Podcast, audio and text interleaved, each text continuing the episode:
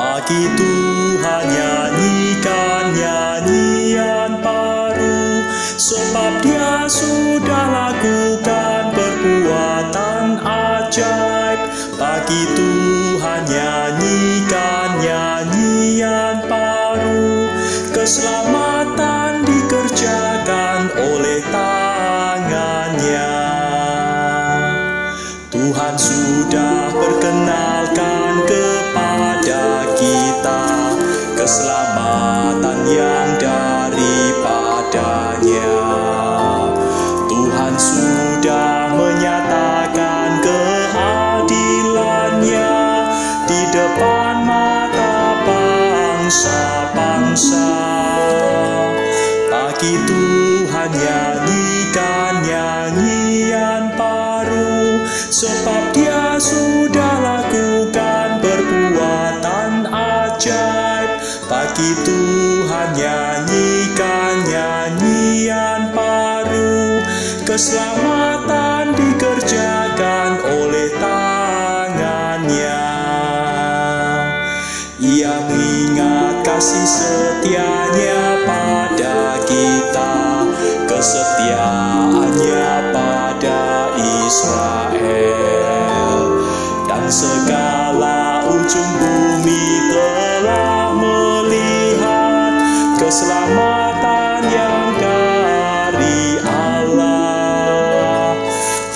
Tuhan nyanyikan nyanyian baru.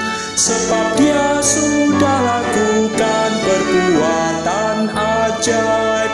Bagi Tuhan nyanyikan nyanyian baru. Keselamatan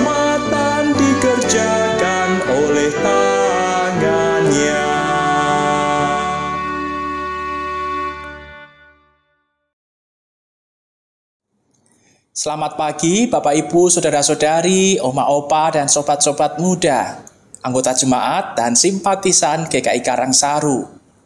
Sebelum kita membaca dan merenungkan firman Tuhan, mari kita berdoa. Bapa Surgawi, kami bersyukur atas segala berkat yang kau berikan kepada kami. Kami bersyukur atas istirahat malam yang Tuhan berikan kepada kami, dan kami pun juga bersyukur atas pagi yang cerah, pagi yang indah yang Tuhan berikan pada kami. Dan sebelum kami memulai akan langkah kaki kami, kami ingin mendengarkan sabdamu. Kiranya kami kau mampukan untuk mengerti akan sabda firman-Mu dan kami pun beroleh kekuatan yang daripada Roh Kudus untuk menjadi pelaku-pelaku firman. Bersabdalah ya Bapa, karena kami sungguh rindu untuk mendengarkannya. Dalam nama Tuhan Yesus kami berdoa. Amin. Tema hikmat pagi hari ini adalah keluarga yang mempersembahkan pujian. Bacaan diambil dari Mazmur 149 ayatnya yang pertama. Haleluya. Nyanyikanlah bagi Tuhan nyanyian baru. Pujilah dia dalam jemaah orang-orang saleh. Demikianlah sabda Tuhan. Syukur kepada Allah. Jemaat Tuhan, salah satu penulis himne terbaik di Amerika, yaitu Philip Paul Bliss. Dilahirkan pada tahun 1838 di Pennsylvania. Keluarganya adalah keluarga yang saleh, tetapi miskin. Ia berhenti sekolah saat usianya 11 tahun dan harus mencari kerja. Sebagian besar masa remajanya dilewatkan dengan berpeluh di tempat-tempat pengirikan, di tempat-tempat pemotongan kayu, di ladang-ladang pertanian, atau di mana saja sepanjang ia dapat menemukan pekerjaan. Ketika Bliss berusia 12 tahun, ia diajak ke sebuah acara kebangunan rohani di kota kecil Elk Run. Dan di situ ia menyerahkan hidupnya kepada Kristus. Bliss memiliki suara yang indah dan suka bernyanyi di banyak gereja di pedesaan. Tak lama kemudian, ia mulai menulis himne-himne karyanya sendiri. Pada tahun 1864, ia pindah ke Chicago. untuk bekerja di sebuah rumah penerbitan bernama Ruth and Caddy. Bliss memiliki keahlian untuk membuat syair dan mengubah musiknya sekaligus. Ia menyumbangkan bagi kita musik dan lirik untuk lagu Hallelujah, What a Savior, Jesus Love Even Me, dan Wonderful World of Life.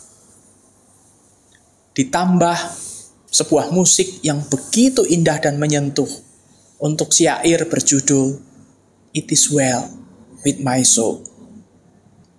Ia mengedit dan menerbitkan banyak buku nyanyian dan mendonasikan semua royaltinya, hampir 30 ribu dolar, kepada pelayanan penginjilan di tempat ia bekerja.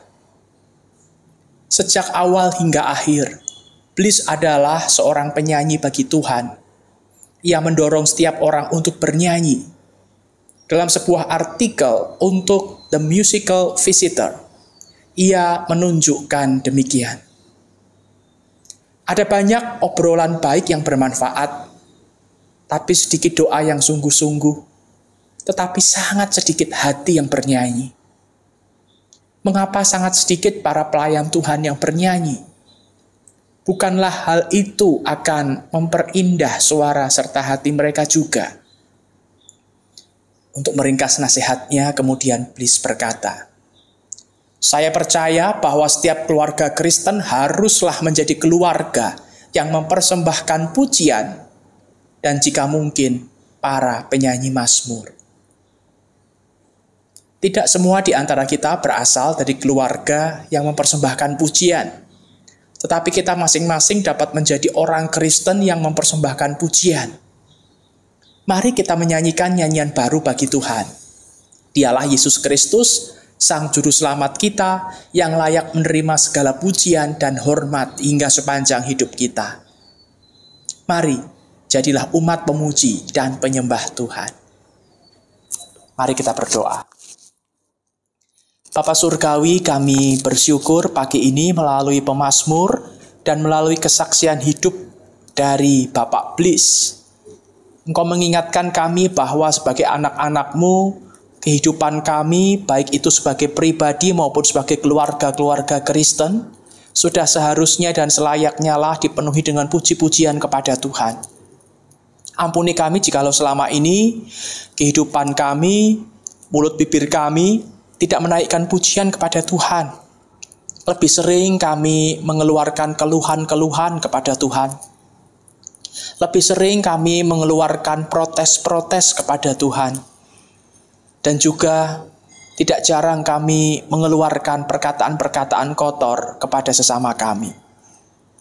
Ampuni kami ya Bapa, mampukan kami dari hari ini untuk boleh memakai mulut bibir kami untuk memuji Tuhan, memuliakan Tuhan. Jadikan kami sebagai anak-anakmu yang gemar memuji Tuhan. Jadikan kami keluarga-keluarga Kristen sebagai keluarga-keluarga yang memuji dan memuliakan nama Tuhan. Di dalam nama Tuhan Yesus kami berdoa. Amin. Selamat memuji Tuhan di sepanjang hidup kita. Tuhan memberkati.